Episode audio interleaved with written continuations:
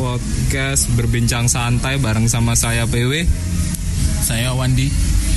Sama satu bintang tamu kita. Nanti aja perkenalannya. Habis aku bu Habis aku membuka Ada kata pembukaan Kok bingung gini aku ya tadi?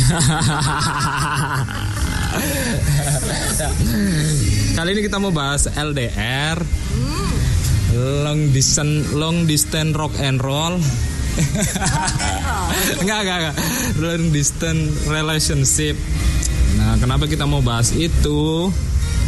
Masanya aku mikir zaman sekarang itu kadang terkadang waktu dan tempat bisa berpihak kepada apa pada kisah asmara kita. Enak. Tetapi terkadang juga dua hal tersebut tidak berpihak. Dan hal ini mungkin dikarenakan desakan suatu hal yang memang harus dilakukan seseorang untuk mengambil keputusan tersebut. Seperti mungkin dia harus mengejar mimpinya atau mungkin dia harus mencari nafkah untuk keluarganya. Dan karena hal itulah mereka harus membuat sebuah keputusan itu tadi dan itu kembali ke itu tadi sih kembali ke individu masing-masing. Apakah mereka siap menjalaninya ataupun tidak? Oke. Okay. Wikipedia. Wikipedia. Enggak ya aku ngarang sendiri loh gini. Oke langsung aja. Sama bintang tamu kita narasumber kita. Bintang tamu apa narasumber sih? Narasumber. Ya? Oh berat. Kita nggak ngamplop loh ini pak ya. Nggak tolong dibayar Oke ini perkenalan sama, sama narasumber kita mbak siapa halo saya Riza aja lah manggilnya eh oh my god feeling so honored Suaranya lembut bukan? Bekas penyiar radio. iya kan? Cempreng Itu es, tapi sebentar doang. Oke, sekarang langsung ke, ke bahasan enggak nih? Apa ngobrol dulu?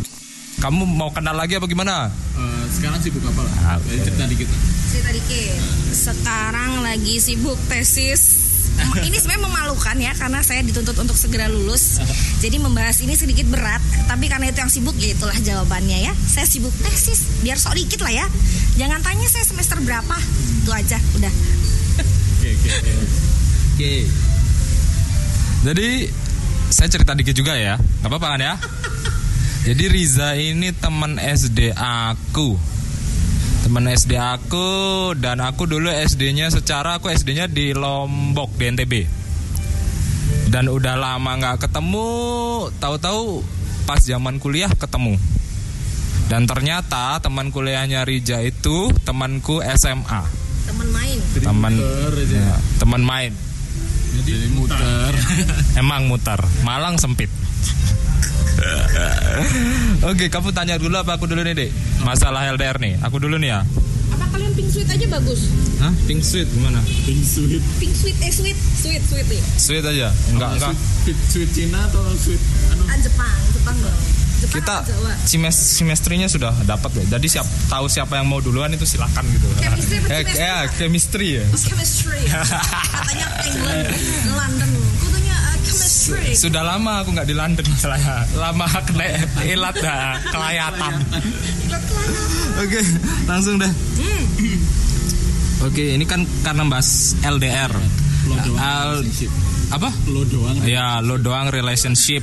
Oke, kalau Re- kata baru. Ah. Lo doang relationship. Relationship yang bisa dikatakan rasa jomblo juga. Oke. Jadi sebenarnya nih ya, orang itu sudah bisa dikatain LDR itu setelah mereka terpisah oleh jarak yang benar-benar signifikannya berapa sih? Signifikan ya. Kalau ngomong signifikan berarti harus ada penelitian. Berhubung saya nggak meneliti itu, jadi saya tidak akan menjawab angka signifikan. Oke. Jadi jarak itu dikatakan di- dinyatakan signifikan kalau versi saya adalah ketika jarak itu nggak bisa kamu tempuh dengan mudah. Jadi contoh gini, eh, Malang Surabaya, ada yang bilang LDR ya iya karena menurut dia Malang Surabaya adalah sesuatu jarak yang jauh dan harus ditempuh untuk ketemu sama pasangannya. Tapi kalau dapat eh, dapat pasangan yang Crazy Rich Asian atau mungkin dapat sultan ya kan? Atau dapat princess pacar anda adalah orang-orang yang kayaknya masya Allah nauzubillah. Eh nauzubillah. Masya Allah aja lah ya nggak usah nauzubillah.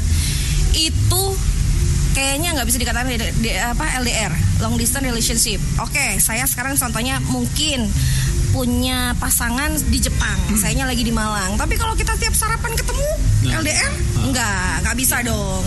Itu nggak bisa dikatakan LDR karena lebih LDR tuh bukan kita ngomongin jarak sebenarnya tapi waktu.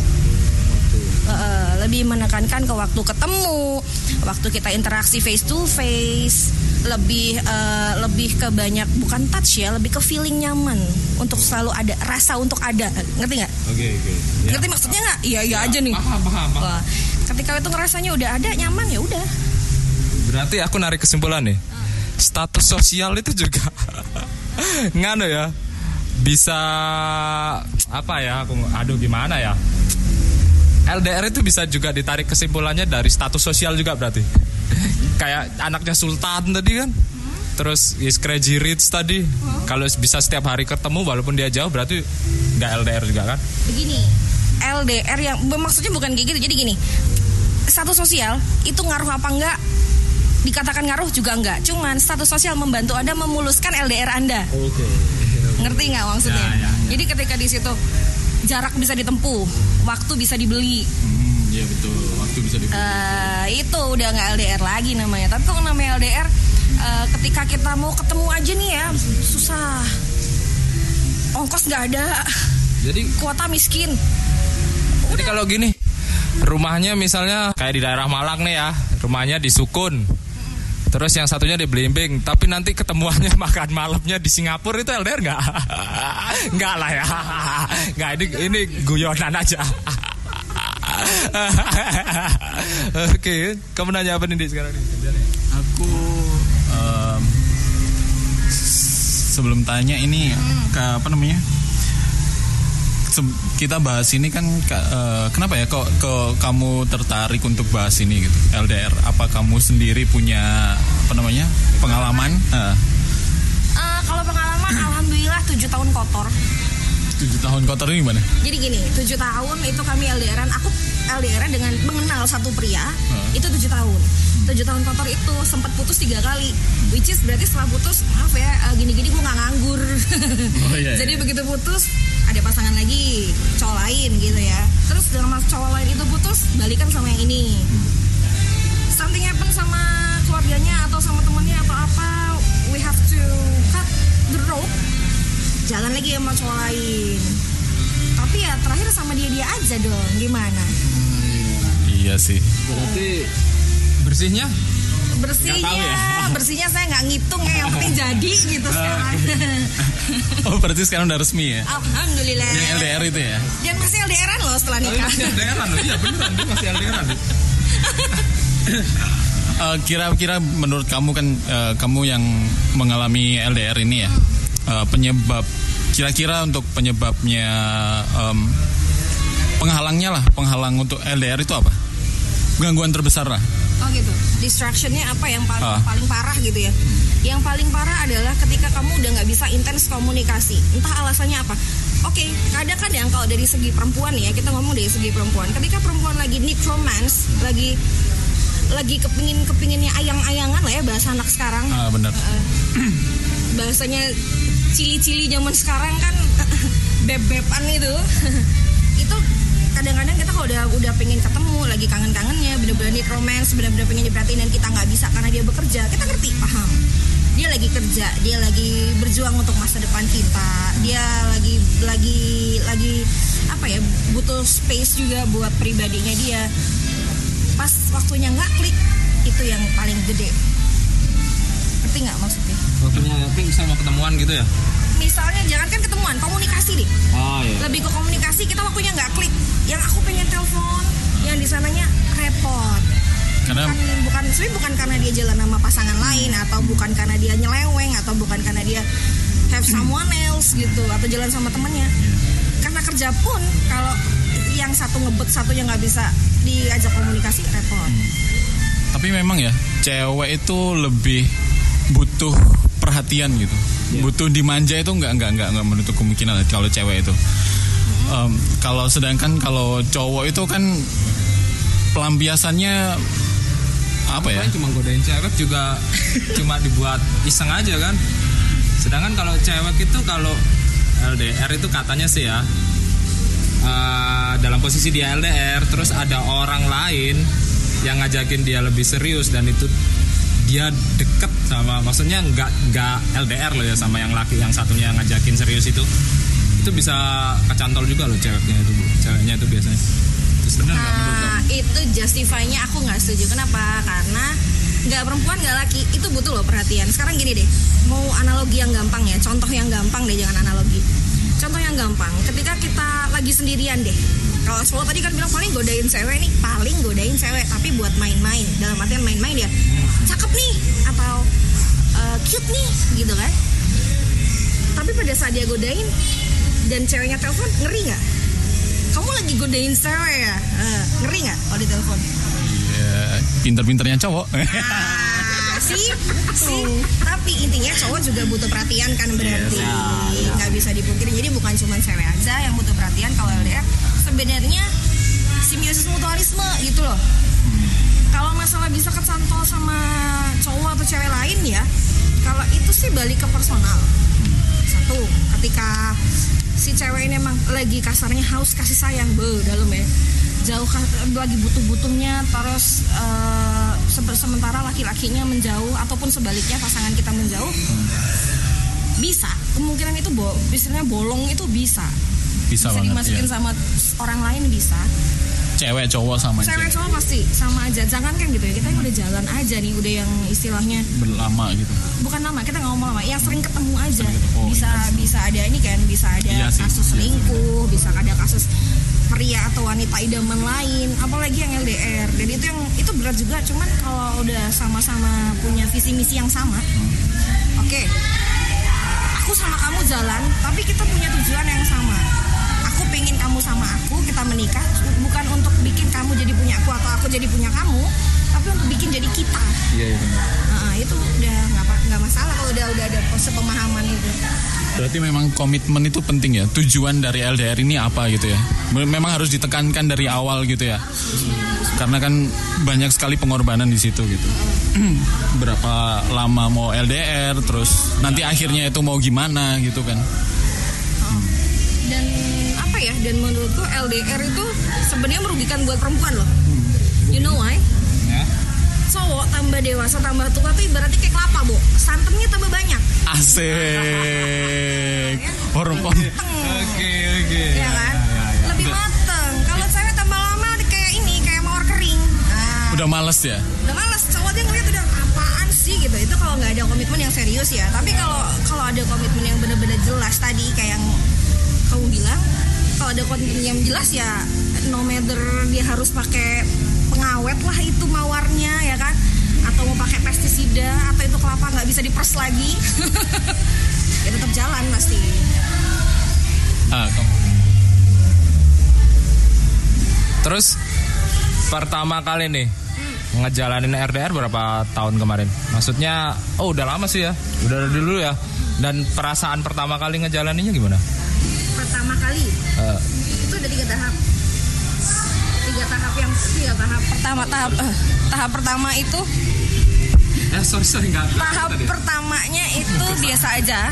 Karena kalau kalau pengalaman ini kan kembali ke pengalaman pribadi ya kalau namanya LDR kebetulan aku sama sekarang suami itu kenal dengan cara dengan cara Aku tahu kok. iya dia tahu Siapa? tahu.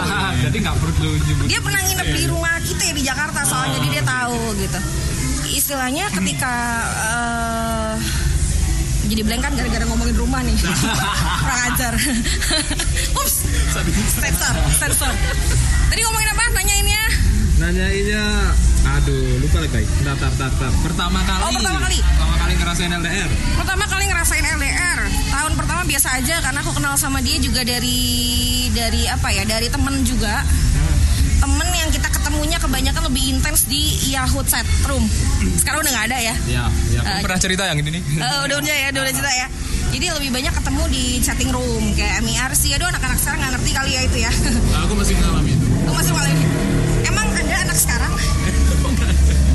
Sekarang kan semua kan pakai ada video call dan sebagainya. Aku sudah WhatsApp sih, nggak nggak tahu sih itu apa MR sama Yahoo Messenger tuh. karena awalnya gitu jadi nggak nggak ngerasa sesuatu yang berat. Tapi di tahun kedua itu mulai jelas ngeliat temen yang jalan sama pasangannya atau ada kegiatan apa yang keluarga nih acara keluarga ada sepupu bawa ih ini lo ma calonku ini lo tante calonku. Itu kok gue nggak digituin ya? Itu ada. Terus tahun ketiga itu mulai mulai mulai slacknya di tahun ketiga. Mulai ribut masalah. Kamu nggak nelpon nelpon sih? Eh, atau mulai demanding ya mulai nuntut dan itu nggak bisa dipungkiri datang dari keduanya. Jadi kalau dari kalau versiku itu demandingnya oh kok nelfon nelfon sih? Oh kok kamu nggak kok ini sih kamu kok nggak balas sms aku sih? Gitu. Kalau dari dia lebih demanding kah ketika aku nggak ngangkat telepon beberapa kali dia akan marah-marah. Posisinya di rumah sih nggak ke mana-mana. Cuman kadang kita habis kuliah kan handphone di silent atau apa untuk untuk kembali ke posisi normal kadang lupa itu yang dia lebih ke arah khawatir sih sebenarnya bukan ke arah demanding yang posesif ya itu tuh penyakit juga tuh posesif tuh itu udah kalau aku Ini kita main what if ya. what if oke. What if? Kalau misalnya waktu itu, Hmm. waktu masa-masa kamu pernah bosen gak sih? bosan Bosen. bosan pernah Nah, nah, kalau waktu itu ada seseorang yang menawari kenyamanan ke kamu, Ah, berangkat sama yang bikin nyaman. Gitu ya? Kenapa? Karena dari awal gini bukan tanpa alasan atau wah nih anjing mumpung nih mumpung ada yang deketin mumpung ada yang lebih oke gitu mumpung lebih enggak. Bukan seperti itu. Karena di komitmen awal kami bilang we start this this relationship itu dengan saling bebas. They're free gitu. Karena kita nggak bisa jamin masing-masing. Kamu jauh dari aku kita bisa jalan beneran setia apa enggak atau sebaliknya kita sama-sama gak guarantee. Dan jodoh kan nggak sama-sama punya ya. Jadi ibaratnya lo dapet yang lebih bagus dari gue silakan cuman nggak ada yang lebih bagus dari saya gitu loh Iya, iya, iya. ya ngerti nggak maksudnya Jualan you can have you Kita can juga harus pasang harga berarti ya. Oh. LDR tuh harus pasang harga. Oke, lu bisa cari yang lebih keren versi lu, tapi ingat gak ada yang lebih keren dari gue buat lo. Ah, itu. Jangan. Gak ada yang bisa nyari segaul aku. nah, gitu ya, gitu ya, ya, ya. Ya, gitu nggak ada yang bisa dapat ginuk-ginuk cantik dan ya seks. gitu loh. Sorry agak rame ya di sini. Maksudnya kita tapingnya ini di Di mana, Wi? Di mana, Wi? Golden Heritage Wis. sponsor. Kita disponsori atau enggak ini? Enggak sih. Yang penting dia dibayar ya Pak. Iya. Ntar aku tadi mana nanya yang mana nih tadi ya? Nah ini nih, berarti kan ini. Hmm, kayak tadi kamu ngomong masalah yang eh, cewek itu, kamu kan yang marah sama sama si cowok misalnya, ku cewek itu lebih butuh kasih sayang lebih sih misalnya kan ya dalam masalah LDR ini kayak gini loh. Jadi misal kalau dalam sebuah hubungan LDR ini hilangnya cinta rasa sentuhan kasih sayang itu ini kan sangat minim banget nih. Nah, untuk ngatasi hal-hal yang kayak gitu tuh cewek gimana tuh biasanya?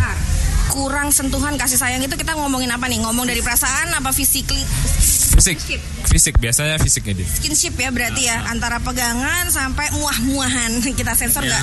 Nggak kissing ya? Muah-muahan. Soalnya- Soalnya kan ada istilah LDR itu pacaran sama HP. Ya. ya. Itu udah diwakilin skinship dia sama HP kan nggak pakai jempol nggak pakai kulit. Pakai ya kan? ya itu udah terwakilkan loh enak loh yang sekarang cuman WA video call beb kamu di mana ya kan Kalau dulu Zaman coba, gue nggak. hmm, ada pak Zaman dulu ini zaman apa nih? Zaman bapak-bapak kita apa gimana nih? Cuman surat-suratan. ya Allah aku pengen loh tapi ngomong zaman surat-suratan aku pengen balik ke masa surat-suratan Gimana coba orang orang eh, orang tua kita yang zaman dulu yang Ah. LDR? Gimana ya coba ya? itu Cobaannya dialamin gitu. banget sama ibuku dan sama om. Hmm. Jadi ibuku itu kebetulan ayahku ke sini dan ibuku di Lombok. Dan dari aku kalau dari ceritanya dari cerita beliau juga dan aku menemukan beberapa surat-surat beliau satu sama lain gitu ya. I think that's romantic gitu loh. Ketika mereka nggak bisa face to face, ketika nggak bisa sering telepon-teleponan karena boro-boro wartel ya, bo gitu kan. boro-boro wartel, telegram aja susah ya kan. mereka surat-suratan dan mereka bisa satu sama-sama saling jaga bisa satu sama-sama percaya bisa sama-sama membangun keluarga yang hasilnya beranak tiga dan kita sudah tua semua. Itu keren banget. Dan itu kenapa aku bilang romantis di situ tuh ujian banget ketika kamu surat-suratan yang bisa aja kamu di situ nulis novel. Bukan mencurahkan perasaan tapi nulis novel ngerti nggak maksudnya? Ya. ngarang cerita. Nah, tapi akhirnya mereka tetap jadi tetap jalan dan mereka setia sampai tua. Kalau menurutku tuh dan itu So- berarti sangat-sangat kepercayaan sangat-sangat dipertaruhkan ya. satu sangat dipertaruhkan kedua biaya nggak kedikit tiga merana pasti. Beta yang begini aja merana cinta. Apalagi yang kayak gitu gitu apa nyatanya mereka bisa? Dan aku makanya ketika baca surat-surat ibuku sama ayahku masih gitu masih ada beberapa surat ketika mereka baru nikah itu pisah. Jadi pisahnya itu dalam artian satu di mana satu di mana gitu karena kebetulan ayahku juga di sini masih kuliah kondisinya menikah dalam keadaan kuliah Eh, ibuku di Lombok, ayahku di Malang. Lanjutin kuliahnya, lanjutin S1-nya dulu kan dari D3, nikahnya tuh pas D3. Zaman dulu kan D1, D, D3, S1 kan. Jadi beliau itu setelah S1 mau nggak dia setelah D3 balik-balik kan harus S1 lagi ini maunya dari sana akhirnya pisah. Aku umur 4 tahun, eh, ayah balik umur 4 tahun pisah lagi. Kemudian ayah penugasan di luar kota beberapa tahun cuman bisa pulang pergi sebulan sekali karena dulu kan nggak pesawat itu buat orang yang benar-benar Iya, iya sih. rich ya. Eh, eh, eh, kalau dulu kan naik bis ya kasihan pinggang gitu kan. Jadi mereka lebih ke surat-suratan itu oh, kita baca, kita baca bertiga gitu oh, ya Allah gitu. Jadi anak-anak ketiga itu ngumpul gila ya mak bapak kita ya gitu ya Allah sabar nian gitu. Kalau aku udah mencak-mencak itu surat sebulan sekali ya Iya kan. kan misalnya kita ngabarin apa gitu hari ini ya Eh aku misalnya ya potong rambut. Terus itu dibalisinya kan sudah lama lagi gitu Udah panjang lagi. Udah panjang lagi. itu fungsinya telegram pak. Tapi telegram kan per huruf juga gitu. loh jadi ya itu loh back to letter itu kayaknya eh, romantic dan great picture banget. Tapi kayaknya susah ya zaman sekarang lebih lebih dalam perasaannya lebih gimana ya? Iya bener romantis tadi sih. Sama aduh aku ngomong apa lagi lupa lagi udah lanjutin dah. Eh, Menurut kamu Apa nomor mejanya? Gak apa-apa. Menurut kamu Kamu setuju nggak Kalau orangnya LDR itu Ikatan batinnya itu lebih kuat Daripada yang intens Tiap hari ketemu gitu bisa kalau. Bisa kalau ya. Kalau sama-sama emang niatnya adalah menjalin hubungan yang emang kita bener-bener pasang perasaan di sana gitu loh. Bukan sekedar eh ntar LDRan enak nih gue kalau ke kota A atau ke kota B ada pasangan atau teman jalan. Itu beda niatnya udah gitu loh. Jadi kalau umpamanya kita emang benar-benar kadang kerasa ini kenapa sih kok di telepon susah? Kok istilahnya bukan ini ya ketika susah dihubungi di, di susah dikomunikasiin atau susah kita apa ya susah kita untuk intas dalam hal suara itu biasanya lebih ke arah bukan cemburu akhirnya tapi ke khawatir. Beda loh kalau kita emang kalau kita emang udah serius dengan kita hanya Jatuhnya jalan Lebih ke khawatir. lebih ke khawatir. Jadi bukan posesif ya kita mengartikannya tergantung. Sekarang gini kata posesif itu kan bentuk salah satu bentuk suku kata yang aslinya nggak nyaman buat didengar kan ketika kita yang satu merasa aku telepon kamu karena aku khawatir sama kamu tapi ketika si pasangannya merasa nggak nyaman dikhawatirin dia akan men- menyambut kekhawatiran itu dengan istilah posesif Ya. Ya benar ngerti nggak Ya, karena memang yang ditangkap itu kan eh, kebanyakan ngapain sih gini aja kok kok ini kamu masa nggak percaya sama aku? Ah, padahal bukan padahal bukan gitu dan salahnya nih salahnya beberapa cewek-cewek. Sometimes mereka ini kenapa aku bisa ngomong ini? Karena sempat ngalamin. Sometimes kita lupa bahwa cowok itu butuh butuh cave-nya sendiri. Itu ruang ya. butuh ruang. Dan itu aku dan itu aku sadari ketika itu hubungan yang benar-benar udah mau malah mau serius. Oh dia butuh waktu sendiri untuk berpikir. Dia butuh waktu sendiri untuk main sama teman-temannya. Dia butuh waktu sendiri untuk hobinya. Ya. Buat cewek-cewek? Iya. dengerin baik-baik gitu. dan dan iya dan dan tak buktikan sekarang pun setelah menikah aku mendukung hobinya dia dan dia mendukung hobiku. Jadi gini dia suka game. Kemarin dia ulang tahun PS4 aku Itu kan- yang penting itu. Itu, Itu yang itu. penting itu. Loh, iya bener. Dia sukanya apa? Action figure Final Fantasy. Oke Final Fantasy gue beliin dia suka lagi suka action figure apa? Umpamanya Samurai X nih kemarin lagi ribet banget sama Dragon Ball lagi demen-demennya lagi lagi inget sama yang dulu-dulu. Ulang tahun dia udah itu senengannya kadoin. Nggak istilahnya itu bukan sesuatu yang berbahaya kan? Iya. selama hobi itu tidak berbahaya nggak bikin jantungan. Kan bikin jantungan harganya bikin jantungan. harga bikin jantungan buat yang beli yang nggak beli ya nggak jantungan yang contohnya berbahaya mungkin buat beberapa orang olahraga ekstrim itu menyenangkan buat mereka rilis adrenalin bener tapi kita yang cewek-cewek di rumah ma itu pulang patah kita nambah kerjaan loh ya itu pulang kaki patah gitu ya Allah kita ngurusin seminggu loh ya itu jangan jangan cari hobi yang nambah kerjaan deh gitu loh Mending berarti cari cowok yang hobinya ngegame aja gitu kan Nggak nambah kerjaan kamu menghasilkan uang loh ya cinta nggak jalan tanpa duit men Oke. Eh, Balik lagi weh. Apa? Ya itu duit itu. Ini kamu jadi streamer game di itu apa? YouTube ya YouTube dan di PUBG itu. Di mana? Bigo lah. Bigo enggak enggak. Twitch Twitch ya kalau game itu biasanya Twitch ya. larinya ke Twitch kalau Bigo itu tempat lain itu. Eh jangan salah. Bigo itu sekarang juga ada untuk khusus untuk gamernya. oh iya oh. Baru apa Hago ya? Oh ha- kalau Hago Hago itu cuma ah, jadi tempat kita main game. Tapi kita nyari lawan kita itu random. Random. Dan dan kita juga bisa milih cowok apa cewek musuh kita main online itu random dan bisa kenalan juga sih mungkin Mas Wandi mau coba juga nanti Apa? Aku. Apa? ya Hago Hago Ya dia mengingat-ingat saudara-saudara Dia mulai mengingat Ah. per hurufnya H A G O ya Ini H, A, menarik ya. Ini mengenai eh, teknologi sekarang ya. Sekarang kan banyak eh, apa namanya apps. Semuanya serba apps gitu loh. Bahkan sekarang pun cari pasangan pun di apps gitu. Eh, speed dating pun sekarang banyak di di, di, di bers- bertebaran lah. Menurut kamu kalau yang pasangan yang dia kenalnya jauh. eh, eh, kenalnya awal dari awalnya dari apps terus habis itu ya tiap hari ngobrolnya di apps sudah bertahun-tahun habis itu eh, mereka baru ketemunya itu mungkin setelah setahun dua tahun Gue banget. Ada yang seperti itu? Iya gue banget. Oh oh kamu? Kamu berapa tahun emang ketemu? Aku ketemu itu setelah setahun. Loh, berarti kenalnya di Yahoo. Foto-foto ngelihat foto juga kan? Tuh itu setelah satu tahun juga. Gila kan? Wow. Wow. Wow.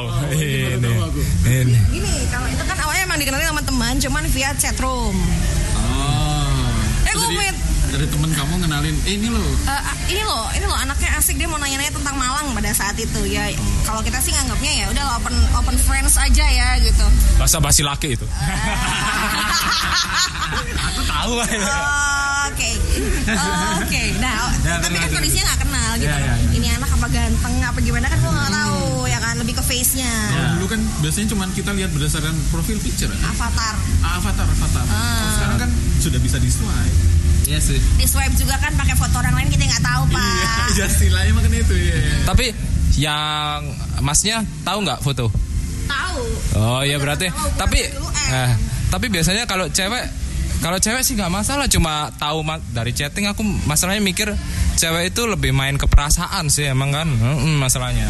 Cuman pada saat itu kondisinya adalah walaupun kita setahun jalan dan ngobrol dan enak, yang dibangun itu bukan rasa pengen segera berhubungan atau pacaran, tapi lebih ke cari pasangan yang nyaman. Kata dasarnya cari ya, bukan kita udah nemu pasangan yang nyaman, bukan, tapi masih cari pasangan yang nyaman. Jadi dalam setahun pertama kita ya tadi yang aku bilang kita nggak nganggap serius gitu. Karena kondisinya kita udah oke kita berteman kita kita ngobrol yang enak sometimes we made a call gitu. Ya udah sampai di situ aja gitu. Dan kita ada ada omongan kalau kamu ketemu yang lebih baik silakan jalan sama yang lain. Kalau aku ketemu yang baik aku tentu akan lebih milih yang terbaik buat aku dan orang tua tentu kan. Kita nggak boleh dong pasang istilahnya pasang harga terlalu rendah atau terlalu tinggi. Terlalu tinggi dalam artian gini eh, kalau gue ketemu yang lebih keren dari lu dalam hal status sosial contohnya. Ya gue pasti jelas sama cowok itu nggak bisa juga karena yang dibutuhin di LDR tuh nyaman. Iya iya. Ketika kamu udah gak nyaman mau sekaya apa mau sekeren apa atau selebriti atau pacarmu sultan nggak nyaman ya nggak jalan gitu loh. Terus sama kayak iya nggak sih kayak ketika mau pindah ke lain hati itu ada yang dipikirin kayak iya ya kita ini sudah ngebangunnya juga lama gitu. Ada. Jadi adanya tuh gini kalau ini sih adanya tuh lebih ke pengalaman temennya yang lihat juga. Kebetulan dia ini Jakarta temen Jakarta. Sekarang suami juga jatuhnya itu dia di Flores. Cuma dengan berbagai berbagai sifat yang berbeda jarak yang seperti itu mereka ini lebih sering bertengkar daripada baikan. Tiap telepon kalau udah nggak sehat aja gitu tapi alasannya setelah kita teman-teman kamu tahu itu nggak sehat? Kamu tahu itu udah hubungannya udah nggak nggak oke lah ya buat dilanjutin apalagi jarak jauh. Dan yang naksir dia juga ada kita tahu lebih oke. Kenapa kamu tetap lanjutin? Aku malas membangun hubungan baru karena harus mengenal orang yang baru dan harus beradaptasi dengan yang baru. Salahnya adalah beradaptasi itu bukan hanya dengan dengan lelaki yang baru kita kenal atau perempuan yang baru kita kenal tapi kan semua orang yang baru kita kenal otomatis kita ada Iya adaptasi iya loh sih. Nah, lebih ada yang jadi kayak waktu kamu tanyain barusan itu aku langsung ingatnya ke dia gitu. Dia mempertahankan hubungan yang tidak sehat di LDR hanya karena alasannya I have no time, I don't want to know anybody else. Jadi itu buang-buang banyak hal kata dia. Tapi kalau saya jadi dia ya uh, see you in another life pun enggan gitu kayaknya sama pasangan yang toksik. Terus cara taunya kalau hubungan LDR itu LDR-nya itu sehat apa enggak? Gampang, bisa aja. Satu, kamu masih dianggap kalau sehat lo ya, kamu masih dianggap ada. Ah, ah. kamu masih di- dianggap kamu masih dianggap ada jadi gini masih bisa kamu dihubungin kamu masih bisa dicurhatin sometimes cewek tuh nggak butuh solusi kalian kok kita tuh cewek-cewek pinter cari solusi sendiri kita cuma butuh orang yang ngedengerin itu aja Ah. jadi kalau ada masalah just kasarnya just shut up and listen gitu loh Oh jadi main gitu kita main game. Oh oke oke oke. Ya, secara cewek juga lebih dewasanya lebih cepat daripada laki. cuman kita kadang-kadang butuh wadah buat ngomel ya jadi kita tuh butuh istilahnya butuh baskom buat mu- mengeluarkan ya di situ lagi-lagi sabar ngecowok diuji lebih ke situ sih Jadi pendengar yang baik ya. Tolong jadi pendengar yang baik ya bapak walaupun kita tahu anda bukan orang yang ya ahli linguistik gitu atau atau lebih ke verbal gitu ya tapi ya udah karena anda kita tahu kita tahu bahwa anda bukan makhluk verbal ya udah dengerin aja gitu gak usah ditanggepin nanti salah lo kasih sarannya malah. Kebanyakan gitu. iya. Nanggepin itu malah salah. udah kita lagi cerita nih enak-enak tadi tuh aku tuh di Swalayan tuh ketemu sama lainnya kayak gini-gini gitu gitu ya kamu sih nggak sabar bisa-bisa kamu digaruk loh sama pacar kamu aku nggak sabar gimana hmm, beda lagi kan urusannya jadi mending diem oh ya oh gitu ya atau Oh, cukup aja direkam oh, aja, direkam. atau kalau atau mau kalau mau komeni tunggu di diem Tunggu dia diem. Heeh. silahkan tunggu perempuan itu diam baru dipotong. Kenapa? Kalau dia lagi marah atau lagi ngambek, lagi ngomel, tiba-tiba kamu potong di tengah, moodnya jelek, yang ada kalian tengkar, bisa-bisa nggak telepon dua minggu. Nah itu yang bahaya tuh. Woman is always right. Oh no no no. Sometimes kita wrong. Hah? Sometimes kita wrong. Cuman cara kalian nunjukin wrong itu yang agak rough, agak kasar. Jadi kita ya melawan dong dikasarin gitu. Kecuali kalau kita lagi ngomel, eh, kalian pengen pengen memberi saran, nunggu kita di semua tuh kan ada caranya ya ngomong. Jadi ketika kita ngomel terus kalian setelah kita selesai ngomong capek udah puas keluar sambil nangis nangis sambil ngomel kita diam kalian baru ngomong apa terserah itu lebih kedengeran gitu loh daripada kita lagi Ngomong terus diputus. diputus di tengah kayaknya nggak ada yang seneng sih ya kalau lagi ngomong tiba-tiba ada yang interupsi gitu Iya kayak nggak ada yang seneng Iya sih. apalagi kalau sambil emosi ya kan Ya. Apalagi ya? Ini merasa tercerahkan. cerah saya kumus-kumus pak ini udah muka kayak kayak kertas lecek ya Allah seharian ya Allah Eh, aku mau tanya nih. Menurut kamu kan kunci- kuncinya di ini ya di komunikasi. Hmm. Komunikasi yang cerdas itu menurutmu gimana? komunikasi cerdas itu artinya kalian bisa ngerti satu sama lain dalam artian gini itu dan itu waktunya nggak sebentar aku nggak bisa jamin bahwa kalian segera mengenal satu sama lain bahkan kita yang sering jalan sering ketemu yang sering kumpul pun sometimes ada ada miscommunication, Miscommunication. kan ya pinter-pinter aja kamu ngerti pasangan kamu tipe berkomunikasinya seperti apa? Karena gini kita ngomongin komunikasinya orang introvert sama extrovert aja udah beda. Kita ngomongin orang yang terbiasa walaupun dia introvert tapi dia hobinya ngumpul sama orang banyak. Dia sosialisasinya bagus. Dengan orang yang ekstrovert tapi jarang main. Orang yang ekstrovert tapi jarang main keluar ngerti nggak? Jadi dia jarang jarang biasanya yang introvert gitu-gitu? Enggak karena ada gini tipe-tipe introvert yang mereka sadar sosial. Mereka tertutup untuk beberapa cerita. Nggak mau cerita hal pribadi nggak mau cerita apa ya nggak mau cerita rahasia. Ya hanya sekedar ngobrol biasa aja. Dan tidak membiarkan orang lain masuk ke ranah pribadinya. Itu juga lebih kecenderung introvert. Tapi dia sadar sosial gitu loh. Oh, masih iya, iya. ketemu sama temen masih mau ngobrol hal-hal yang istilahnya garing tapi tetap asik eh, masih bisa diajak main at least. Ya. Kan ada yang tipe-tipe introvert gitu. Ada yang tipe-tipe extrovert tapi dia sosialnya minus. Kita kayak kita nggak bisa bilang kurang ya nggak eh, nggak bisa bilang dia pas-pasan ya. Minus pun ada. Jadi gini dia extrovert tapi dia nggak bisa eh, istilahnya untuk berkomunikasi yang baik sama orang. Contoh dia dia dia extrovert savage tapi rude. Nah, ngerti nggak? Iya tahu tahu. kamu boleh savage kamu boleh ngomong sesuka kamu. Bercanda seenak jidat kamu boleh. Tapi ketika bercandaan kamu ketika obrolan kamu itu rude buat orang lain. Orang kan males ya. Ya Apalagi belum kenal. apalagi belum kenal tiba-tiba eh kamu berat badannya berapa? Hello I am a woman and you are asking about my weight. Eh, berarti dia nggak pernah kelilipan sepatu. Gitu. Eh, dia nggak pernah kelilipan sepatu makanya. Sama belum pernah di itu apa copet pakai pa- parutan tuh. Dia nggak pernah diulek apa ya? Nah itu ada kan? Lombok lambemu. suwe banget lambemu biasanya ibumu itu katanya ayo ngomong apa di pernah tahu diselentik ya Wah. jadi ada gitu itu terus? Itu udah udah itu tadi. Kamu mau lanjutin apa? Oh udah sampai segitu tadi ya masalah ekstrovert tadi ya? Ekstrovert ya itu jadi gini kamu kalau komunikasi ya kamu harus tahu tipe-tipe pasangan kamu sih ya lebih ke bagaimana kalian membangun chemistry dia lebih suka ke bahan omongan apa dan cewek itu lebih cenderung suka cowok yang lebih cerdas dari dia. Kebanyakan loh ya. Uh, jadi lebih lebih cerdas itu dalam artian gini ketika kamu punya kamu ngumpul kamu apalagi cuma berdua itu nanti kamu harus punya benar-benar bahan yang cerdas. Cerdas dalam artian gini nggak harus yang berat-berat ngomongin politik nggak harus berat-berat ngomongin ekonomi sekarang apalagi ngomongin berita beritanya Bloomberg tadi pagi itu kayak nggak penting gitu. Cerdas itu dalam artian ketika dia cerita apa kamu nyambung. Ketika dia pindah ke tema apa kamu ngerti at least ngerti lah ya. Tapi jangan sok pinter karena nilai kamu akan sangat drastis turun. Ketika kamu sok sok tahu apalagi sok pinter terus salah gitu kan. Jangan sama yang pasangan kita. Sama orang lain aja kan kita kayak gitu. Kemeruh regi nanti main aman aja menjadi pendengar yang baik saja. Bener nggak kalau jadi pendengar terus yang baik? pendengar yang baik tuh kayak gimana? Jadi ya ngedengerin terus aja. Nggak baik. Ya oke baik kan? Jadi kadang-kadang ya harus ditangkepi juga lah ya.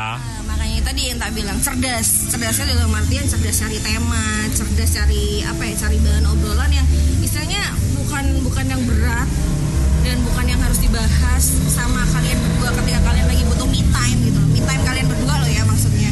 Pas lagi enak-enakan berdua kita lagi enak kok satunya minum kopi satunya ngeteh pegang gorengan. Eh iya. Saham hari ini gimana ya? Naik apa turun harganya? Ya kalau kalau nggak salah sih nggak salah nggak salah. Kalau kalian bekerja di ranah yang sama dan ngomongin saham. Dan itu pun sebenarnya nggak salah tapi kan nggak nggak itu tempatnya gitu loh. Ada masa-masa ketika kalian ngomongin sesuatu yang berat dan ada kerjaan. Ada masa-masa kalian ngomongin bukan hanya sekedar masa depan tapi hari ini kamu cerita yang ringan aja. Cewek tuh cuman cuman pengen kamu cerita hari ini kamu ngapain padahal buat kamu itu rutinitas kan? Ya paling kalau datang gua ke kantor gua kerja ngadepin laptop ya apa yang dikerjain project ya udah itu gitu kan. Dan itu kan rutinitas sebetulnya. Nah, kadang eh, cowok itu ngerasa karena rutinitas yang tiap hari itu udah biasa gitu, jadi kayak nggak perlu diceritain gitu. Ah, no. Nah, eh, mungkin salahnya di situ gitu, karena cowok merasa, sering merasa kayak gitu gitu loh. Iya, dan dan aku kadang-kadang gini ya, karena kita sendiri dan kita sendiri gini, sometimes ketemu sama pasangan, kita tahu itu rutinitas. Tapi kita pengen tahu sebenarnya ada tambahan apa sih dari cerita itu gitu. Aduh duh, ini proyek lagi banyak banget. Sekedar sekedar ngeluh aja ke pasangan, ngeluh yang kecil gitu, itu bener-bener berarti banget dalam artian gini. Berarti kamu dianggap ada loh. Iya. Berarti kamu dianggap qualified untuk dengar cerita itu. Dianggap berarti kamu bisa bisa jadi pendengar yang baik tadi. Dianggap juga kamu bisa jadi orang tempat dia eh, bukan hanya berbagi cerita, tapi berbagi perasaan hari ini. Padahal ya biasa aja sih menurut kalian ya namanya project kerjaan banyak, kerjaannya gitu-gitu aja. Nah gitu-gitu aja. Dan itu adalah sesuatu yang sebenarnya kalau versi kalian nggak perlu diceritain, versi kami yang perempuan we appreciate so much gitu loh ketika kalian mau cerita kerjaan kok kok kayaknya gini gini ya nggak ngerti sebenarnya kita yang cewek nggak ngerti lo kerja apa nggak ngerti gitu loh tapi ketika kalian cerita kita merasa bahwa satu kita dianggap ada. Kedua kita dianggap qualified tadi atau kompeten tadi untuk mendengarkan saja gitu. Ya begitupun sebalik sebaliknya kayaknya. Tapi kalau bedanya cewek nggak pengen kalian banyak komentar ya. Kita cewek saya nggak suka soal cerewet maaf. Itu udah prerogatifnya wanita ya. Berarti ah, gini intinya pinter-pinter kita cari konsep hal kecil seperti apa pun itu bisa kita jadiin hal yang menarik ya. Nyambung nyambung lah ya. Itu seperti desainer pak. Desainer itu eh, hal sekecil apa pun itu harus bisa dia karyakan menjadi suatu hal yang lebih baik pak. Oh, sah. Ternyata nyusrut. Oh bisa jadi maestro Iya. gitu ya. begitu strut tulisan ternyata jadi sesuatu yang artistik gitu kan. Nah, benar tanda silang itu bisa harga 50 juta gitu. Wah. Nah, silangnya pakai cangkul. Nyangkulnya di layar. Jadi dia bisa puluhan juta harganya. Ini apa? Aku udah sih. udah habis. Nah gini nih. Ini nih. Tadi kan yang masalah wanita yang untuk masalah ini nih tapi nggak tahu sih kamu bisa jawab ini apa nggak masalah ini sudut pandang pria sih wanita kan perasaannya eh wanita kan seorang perasa sedangkan yang pria itu makhluk visual orang yang visual gitu kan logik lebih ke logik Nah, ah. Oke. Nah, kalau soal wanita itu pas LDR itu cukup mendengerin suara pasangannya di ujung telepon aja biasanya sudah seneng gitu kan. Dan kadang ada yang gitu kan. Sedangkan kalau si pria kalau ngedengerin suara aja kan biasanya belum cukup ngatasin kerinduan dahaga kerinduannya itu. Nah, itu itu ngatasinnya gimana tuh? Balik yang sentuhan tadi itu ya. Nah, Pertanyaan itu balik pertanyaan yang skinship tadi ya akhirnya kan. Sebenarnya cewek pun sama. Seneng loh pasangan dateng apalagi kalau setahun sekali atau setahun sekali lama banget ya. Apa sebulan sekali, dua bulan sekali tuh biasanya kalau ketemu lebih er gitu dia, lebih garang ya bawa masalahnya pegang-pegangnya. sudah lama nggak ketemu kan ya? Ah, udah lama. Cuman kembali lagi satu ketika kamu LDRan dan apa ya dan kita dalam kondisi tidak bisa untuk skinship, nggak bisa untuk jalan bareng. Lagi-lagi di situ dibutuhin satu komitmen, nggak cukup komunikasi aja. Jadi komitmen, dua komunikasi. Kalau kamu ngerasa bahwa kamu adalah cowok-cowok adalah visual nih ngelihat cewek cakep, ih cakep nih, cute nih, apa jauh sama cewek. Sama cewek juga kayak gitu kok. Kita seneng kok lihat makhluk-makhluk indah gitu ciptaan Allah. kita seneng kok lihat yang yang ganteng-ganteng even even not six packs gitu kan Masya Allah berotot. iya tapi nggak gede-gede amat juga. Kan kan cakep itu relatif. Bagaimana kamu ngelihat orang cakep itu beda-beda seleranya? Aku kalau kalau kalau aku makanya aku ya Bu. kalau ngomongin uh, cowok-cowok idaman Eh, kalau kamu kayak BTS malah yakin aku.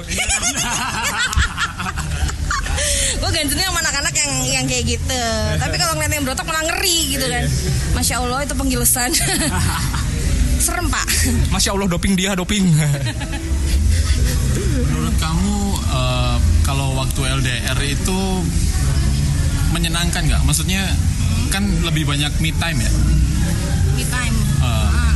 kan nggak harus direpotkan dengan pasangan yang eh, kadang harus ketemu tiap malam minggu atau gimana. repot sih sebenarnya Repot. LDR itu repot bukannya lebih Rapatnya komunikasi gitu. bukan bukan repot lebih banyak waktu luang. Oh, oke kita kalau kita ngomong waktu luang siapa bilang waktu luang kita banyak LDR? Enggak loh. Karena kita di situ udah mulai ngomong perasaan. Waktu kamu LDRan akan jauh merasa lebih sempit daripada kalian yang sering ketemuan. Buktiin deh. Gimana gimana? Balik. Gini, waktu untuk kalian yang LDRan itu jauh lebih sempit daripada kalian yang sering ketemuan. Kok bisa? Kok bisa kan? Karena di situ kamu ada info perasaan yang harus dijaga, yang harus dipelihara. Itu jadi berasa sempit banget gitu loh. Jadi me time pun akhirnya buat buat mengusahakan hubungan itu. Contoh me time nih ke salon ya kan. Kalau cewek nih ya. Atau kalau cowok nge-gym me time-nya. Tapi kan fungsinya apa? Supaya dia nggak lari ke orang lain, supaya dia nggak cari ke pasangan lain. Atau lebih ke self defense kita nih. Kenapa aku bilang self defense? Gini, sometimes kita merasa nggak aman dengan LDR, ya nggak? Iya. Itu kenapa kita improve diri, Diri kita, kita, sendiri. Ah, Perbaiki lah, perbaiki diri. ya, memperbaiki diri sendiri. Jadi lebih ke situ sebenarnya. Jadi kalau dibilang dibilang kita LDR me time-nya banyak daripada yang nggak LDR, nggak juga. Bisa kok ketemu tiap hari kita kumus-kumus. Belum mandi ya kan? Masa mau kok udah lama gak ketemuan terus ketemuan sekali mau kumus-kumus gitu. Tapi itu versi cewek. Kalau sedangkan versi cowok, biasanya kan cowok kan bilang, aduh ini harus nganter cewekku, harus jemput lagi ini ke sini, harus kan pulang pergi apa kuliah atau sekolah gitu. Sedangkan kita harus eh, ini waktunya main game sama teman. Wah ini waktunya menongkrong sama teman. tadi yang yang aku bilang yang mulai kita ngomong kerasa nyaman. Jadi kita ket- ketika kita mulai LDRan, jangan kan LDRan ya, nggak LDRan aja. Itu judulnya kita bukan sudah nemu atau udah dapet yang nyaman sama kita, tapi lagi nyari yang nyaman buat kita. Jadi ketika ketika udah mulai ada rasa nggak nyaman, ya itu tadi satu mulai nggak sehat, kedua berarti itu kamu udah bukan menganggap hubungan ini adalah prioritas, ketiga berarti ya udah udah beda visi misi. Kalau kita lagi seneng lagi kangen-kangennya jangankan nganter jemput ke sekolah atau jangankan kita nganterin ke salon deh ya. Cowok kan paling males banget ya nganter belanja nganter ke salon kan males banget gitu. Tapi ketika kamu melakukan itu dengan nyaman dan senang serta niatnya nih eh, aku pengen melindungi pasanganku loh. Dengan aku pulang aku merasa eh, aku pengen dia ngerasa bahwa aku tuh ada. Jadi istilahnya keberadaan kamu di sana kamu pengen dia untuk ada itu juga udah beda. Pasti nggak ngerasa kerepotan. Kalau dia ngerasa duh ribet banget sih hidup gue mesti nganterin dia ke sini ngurusin adiknya nganterin sekolah adiknya. Emang gue babysitternya? Nah berarti kan udah gak nyaman ya kan? Iya sih, bener sih. udah. Silahkan mengerti rasa nyaman. Apa tadi? Oh, kan eh, se, se- pengalaman kamu ya? Hmm. setelah lama LDR gitu, sensasinya ketika ketemu setelah sekian lama nggak ketemu, itu rasanya kayak pacaran lagi nggak? kayak pacaran lagi apa enggak? Ketika itu tahun ketiga biasa aja. Tahun ketiga itu tahun ketiga kamu ber- berhubungan LDR ya jadi itu maksudnya kan dari satu dua tiga itu Uh-uh. satu tahun itu ketemunya beberapa kali. satu tahun kalau aku dulu awal-awal sih lebih ke setahun sekali. Setahun bener-bener setahun sekali karena dia lokasinya pada saat itu tugasnya nggak di areal Jawa Timur dan kondisinya aku masih kuliah di sini di Malang. Jadi ketika ketemu setahun sekali itu pada saat dia lebaran dan harus pulang ke areal Jawa Timur. Ya lebaran dong berarti ya. Eh, jadi ketemu pada saat tiga hari atau dua hari sebelum balik ke negaranya dia eh, negara daerah. Eh, ke daerahnya dia. Jadi cuma- bagian, Pak. negara bagian. Jadi ketemunya cuma setahun sekali. Dan itu apa ya lebih ke perasaan ya memang dari awal kita LDR bakal kayak gini. Jadi ketika memulai LDR jangan lupa bahwa ada situasi yang harus kita adaptasikan tadi itu. Waktu tempat biaya. Tiga tiga poin itu. Waktu tempat biaya. Lebih lebih banyak korban ketiga itu saya emang kalau LDR. Biaya, biaya itu. Berarti kalau ngomongin fisik ya tapi kalau lebih ke korban apa? Korban perasaan pak Iya, korban perasaannya anu ya, apa masalah kepercayaan tadi ya. lebih ke khawatir apa enggak nyaman apa enggak sih? Kan anda juga pernah mengalami LDR ya pak ya? Seingat saya. Kenal kenal. Gimana gimana gimana? gimana kalau kita yang nanyain? Dia? Ini malah aku yang mau di podcast ini coba. Ini sama narasumber ini. Kalian sekalian, gimana pengalaman kamu LDR gimana? Enggak, enggak belum. Enggak pernah aku LDR, sumpah. oh yang tidak Ya cuma cuma ngomong ngobrol-ngobrol biasa lah ya. Terus ya. jauh loh Serang lo eh Bela-belain di sana. konsumsi umum oh, Laki itu harus gentle lah, harus sejauh apa pun datengin lah kalau aku. Ceritain cerita. kalau gitu diceritain boleh Enggak usah lah.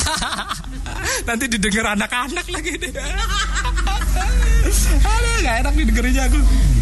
Berarti kalau berarti kalau aku tarik eh, tahun pertama itu masih masih ini ya masih kayak apa namanya istilahnya tahun pertama itu kayak masih panas-panasnya lah tahun pertama kedua itu terus ketiga tahun ketiga kamu tadi bilang katanya susah apa ya mulai ini mulai, Mulai. muncul muncul muncul rasa-rasa yang negatif. Eh, berarti kan sudah mulai berkurang nah itu. Kayak kepercayaan berkurang gitu. Kalau berkurang enggak, lebih ke negatif itu gini. Ini bukan bukan mengarah ke kebetulan tidak mengarah alhamdulillahnya tidak mengarah ke LDR yang nggak sehat ya. Lebih ke ya tadi yang aku bilang mulai khawatir, berlebihan. Mulai mulai bukan merasa nggak nyaman ya, ya nggak nyaman. Itu salah satu bentuk nggak nyaman ketika pasangan nggak bisa dihubungin dan kita perasaan lagi nggak enak, lagi butuh didengerin ternyata dia juga sibuk. Itu di tahun ketiga itu biasanya mulai-mulai kok lu mulai susah dihubungin sih? Kok kok ini begini begini begitu sih? Gitu. Tapi kalau kita bisa arahkan dan komunikasikan satu sama lain dalam artian komunikasinya gini kondisi saya adalah begini. Jadi cowok itu jangan jangan segan-segan buat ngejelasin kondisi kalian. Kondisinya itu gini. Contoh kamu panggilan sayangnya apalah ya atau dek lah ya kita ambil yang umum. Dek kondisinya aku dari jam sekian dan jam sekian kerja nggak bisa angkat telepon. Kalau dia bilang iya oke. Berarti kan dia setuju ya? Someday dia cerewet nih. Kok aku nggak bisa ditelepon? Sekarang kan udah ada video call udah ada istilahnya apa ya udah telepon kamu kenapa sih pengen dihubungin? Nih loh aku lagi di kantor. Ada apa sih? Tunjukin bahwa kalian tuh emang bener posisi itu tuh sulit untuk dihubungi dan kondisi kalian adalah bekerja. Aku rasa sih ya kalau ceweknya emang waras. Sorry kita ngomong waras ya. Kalau dia memang waras dia ngerti dan kalian sudah menentukan misi dan sudah dia setujui dia nggak akan banyak protes Cewek itu memang butuhnya itu updatean kita lah. Walaupun kita cuman bilang hai itu kayaknya udah seneng bener nggak? kalau dibilang hey seneng enggak kadang annoying juga gitu loh Maksudnya eh, kayak eh, apa namanya? Setelah susah dihubungin, habis itu besok paginya eh, selamat pagi gitu. kamu bakal malah tambah dimarahin Berarti eh, ya biasa aja lah ya. Jangan Terus. biasa aja. Jadi gini kalau kamu udah tahu bahwa kamu kemarin seharian nggak bisa dihubungin apa pun alasannya dan kamu tahu pasangan kamu jadi nggak nyaman dengan cara kamu. First time don't say selamat pagi. Which is kita tahu ini pagi udah tahu sama-sama pagi kita nggak hidup di dunia yang terpisah kamu lagi di London aku lagi di Malang ya kan? Kasarannya. Kita sama-sama tahu ini morning jam 7 dan selamat pagi itu sesuatu yang basi kemudian kita cewek. Pertama-tama sorry ya kemarin nggak bisa dihubungin. Dia akan ngomel panjang biarin aja ya udah minta maaf. Tapi tahu kan diperjelas lagi. Tapi tahu kan kemarin aku lagi di tempat kerja. Pasti jawabannya singkat kok. Iya tapi kan aku kangen. Ya tadi ada telepon bentar, istirahat bentar lah ya. minum-minum dulu. Ah. aus ini maknya terlalu bersemangat nih ngomongnya. Terus ini nih, maknya nih. Dampak positif dari si pria sama si wanita masing-masing diambil dari dalam menjalankan hubungan LDR itu apa? dampak positif dampak positifnya adalah ketika hubungan itu berjalan baik ketika itu berhasil kalian sama-sama grown up. Istilahnya Lebih dewasa. lebih dewasa. Entah itu jadi gini sebenarnya sih bukan karena ketika berhasil aja ya ketika gagal pun hubungan hubungan LDR itu gagal kalian secara nggak sadar tuh grown up gitu loh dewasa. Belajar bahwa oh berarti gue nggak cocok dengan tipe hubungan LDR atau kalau kamu berhasil berarti wah itu award buat diri sendiri. Alhamdulillah ternyata bisa walaupun susah. Dan itu kan itu kan satu di antara sekian gitu. Dan pasti dan pasti LDR itu adalah sesuatu yang perjuangannya harus lebih menghabiskan waktunya paling banyak. Even though itu judulnya adalah me time tadi yang kita bahas gitu. Jadi lebih lebih dewasa aja. Ketika kamu mengalami gagal kamu akan tetap jadi orang yang dewasa. Ketika kamu berhasil kamu akan jadi lebih dewasa. Cuman masalahnya adalah kembali tadi. Ketika kamu gagal masih bisa nanggepin itu dengan positif apa enggak contohnya positif Eh, Oke, berarti aku nggak tipe nih sama sama jenis hubungan ini. Udah cut sampai di situ aja. Bukan berarti ketika kamu mau berhubungan lagi dengan wanita lain atau pria lain, kamu malah balas dendam gitu loh. Jadi yang diangkat malah sakit hatinya sama pasangan kita sebelumnya. Itu jadi negatif kan. Jadi dihindari yang kayak gitu sih. Udah. Gak ada pertanyaan lagi. Kalau aku sih habis. Habis, udah habis. Udah habis. Ibu habis ibu. Udah berapa menit? Panjang, nanti cutnya banyak itu. Berarti udah Tapi kita jarang edit kok. jarang edit sih kita. Iya, kita jarang edit emang. Oke, baiklah. Kita mau hal ini senatural mungkin. Berarti berarti nggak ada ini dong, nggak ada sensor pas aku bilang tit tadi kurang ajar itu. Oh, disebut. Nggak ada, nggak ada. Nggak ada. Oke. Kalian bebas mau berekspres mengekspresikan gitu. Ya Allah itu apa itu?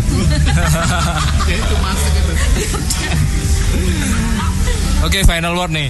Oh, tips aja tips. Ada nggak? Tips-tips dulu, tips dulu untuk yang mau ngejalanin LDR nih. Tips ketika anda, wes Motivator. Oh, motivator. Nggak jadi gini, kalau kita mau memulai LDR, pastiin satu kalian di komitmen yang sama. Dua visi visi misinya itu harus ditentuin. Emang kesannya bahasanya kok visi misi amat segitunya amat loh. Kalau nggak segitunya amat tujuan kamu LDRan itu apa gitu loh? Mau cari guide buat keluar kota, apa cari pasangan? Gitu loh. Ya. Jadi visi misinya dulu, terus komitmennya harus bareng, nentuin waktu kalian harus banyak harus banyak berkomunikasi mengkomunikasikan kondisi. Karena kita nggak pernah tahu namanya LDRan kamu di sana ngapain saya di sini ngapain kan kita sama-sama nggak tahu kan. Jadi lebih banyak eh, lebih banyak ini sih lebih banyak kalian berusaha Komunikasi. berkomunikasi. Dengan komunikasi kalian yang baik yang lain terbangun baik. Walaupun dalam kondisi kurang dalam matian kurang gimana? Sometimes kita di lagi kerja nih ke lapangan yang sinyal susah ya kan? Kalau kita udah ngerasa nyaman komunikasi baik kita sebelum berangkat udah cerita aja. Dek kayak bakal ke arah sini nih. Itu sinyalnya susah. Tapi sebisa mungkin ketika nyampe di sana ya hubungin aja. Mau putus-putus kayak mau nanti kita sama-sama emosi gara-gara gara-gara nggak kesambung dan susah tetapnya intinya kan hubungin gitu loh komunikasi. Pokoknya intinya LDR itu dan jangan lupa sadar kondisi LDR sadar kondisi LDR gini udah tahu jauh. Mau minta martabak ya nggak bisa. Mau digojekin ya nggak apa-apa kalau mau digojekin. Tapi kalau disuruh cowoknya sosok romantis bawain ke rumah beb aku bawain martabak kamu tadi habis status ya nggak bisa. Susah jauh mahal. Jadi eh, sadar kondisi LDR kalau aku sih lebih ke situ. Final word mungkin. final word Kamu dulu dah. Ini aku ngutip dari quote-nya Raden Raut kalau ada yang tahu. Apa itu Raden Raut? Dia tuh kayak apa ya? Dia suka LDR terbaik dunia. bukan youtuber juga sih. Biasanya update-update di Instagram itu lah. Eh, quote-nya itu kalau memang dia berharga, maka jarak itu nggak ada artinya. oh siap oke masuk Nah, itu aja. ketika dia ketika dia berharga jarak itu nggak ada artinya iya nggak ada artinya tapi ada biayanya pak. Jangan lupa ya. Jauh dekat dua setengah kalau angkot. Jadi ya final word LDR itu kalau kamu ngejalaninnya dengan nyaman dan pengen aman sebaiknya LDR itu dilakukan ketika kamu komitmen udah kuat. Dalam arti udah siap menerima keadaan satu sama lain. Tapi kalau enggak silahkan anda pikirkan kembali. Silahkan cari pasangan yang deket-deket aja atau silahkan tanya yang lebih ahli dalam artian yang lebih ahli ahli komunikasi ya mungkin berkomunikasi dengan pasar kamu kamu bisa mengenal dengan kenal adiknya dulu Menteri Komunikasi itu berarti. Saful Sembiring. pak mahal pak mahal pak Menteri Komunikasi sekarang siapa sih? Bukan ya? Bukan di Saful Sembiring lagi ya? Pak nggak update pak Maaf loh Saya nggak sempat googling Kuota saya nih Ya udah kayak gitu aja sih Udah, itu aja. Eh, Lebih sadar aja Sadar kondisi Oke, aku kalau aku sih hampir sama kayak Wandi tadi. Terus balik lagi ke niatan kamu mau ngejalanin LDR itu apa? Kalau sudah balik ke situ niatanmu baik, terus emang kamu tadi bilang apa nih? Iya, itu masalah jarak. Ya memang sih ya, kalau niatanmu baik dan ja, kos sama effortnya itu mungkin lebih besar di LDR. Tapi kalau hal itu emang tujuannya baik dan niatanmu baik, kos sama effort itu tadi doesn't matter lah dibanding apa yang nanti kamu terima dan apa yang nanti kamu dapetin. Terus kamu juga lebih dewasa juga pastinya.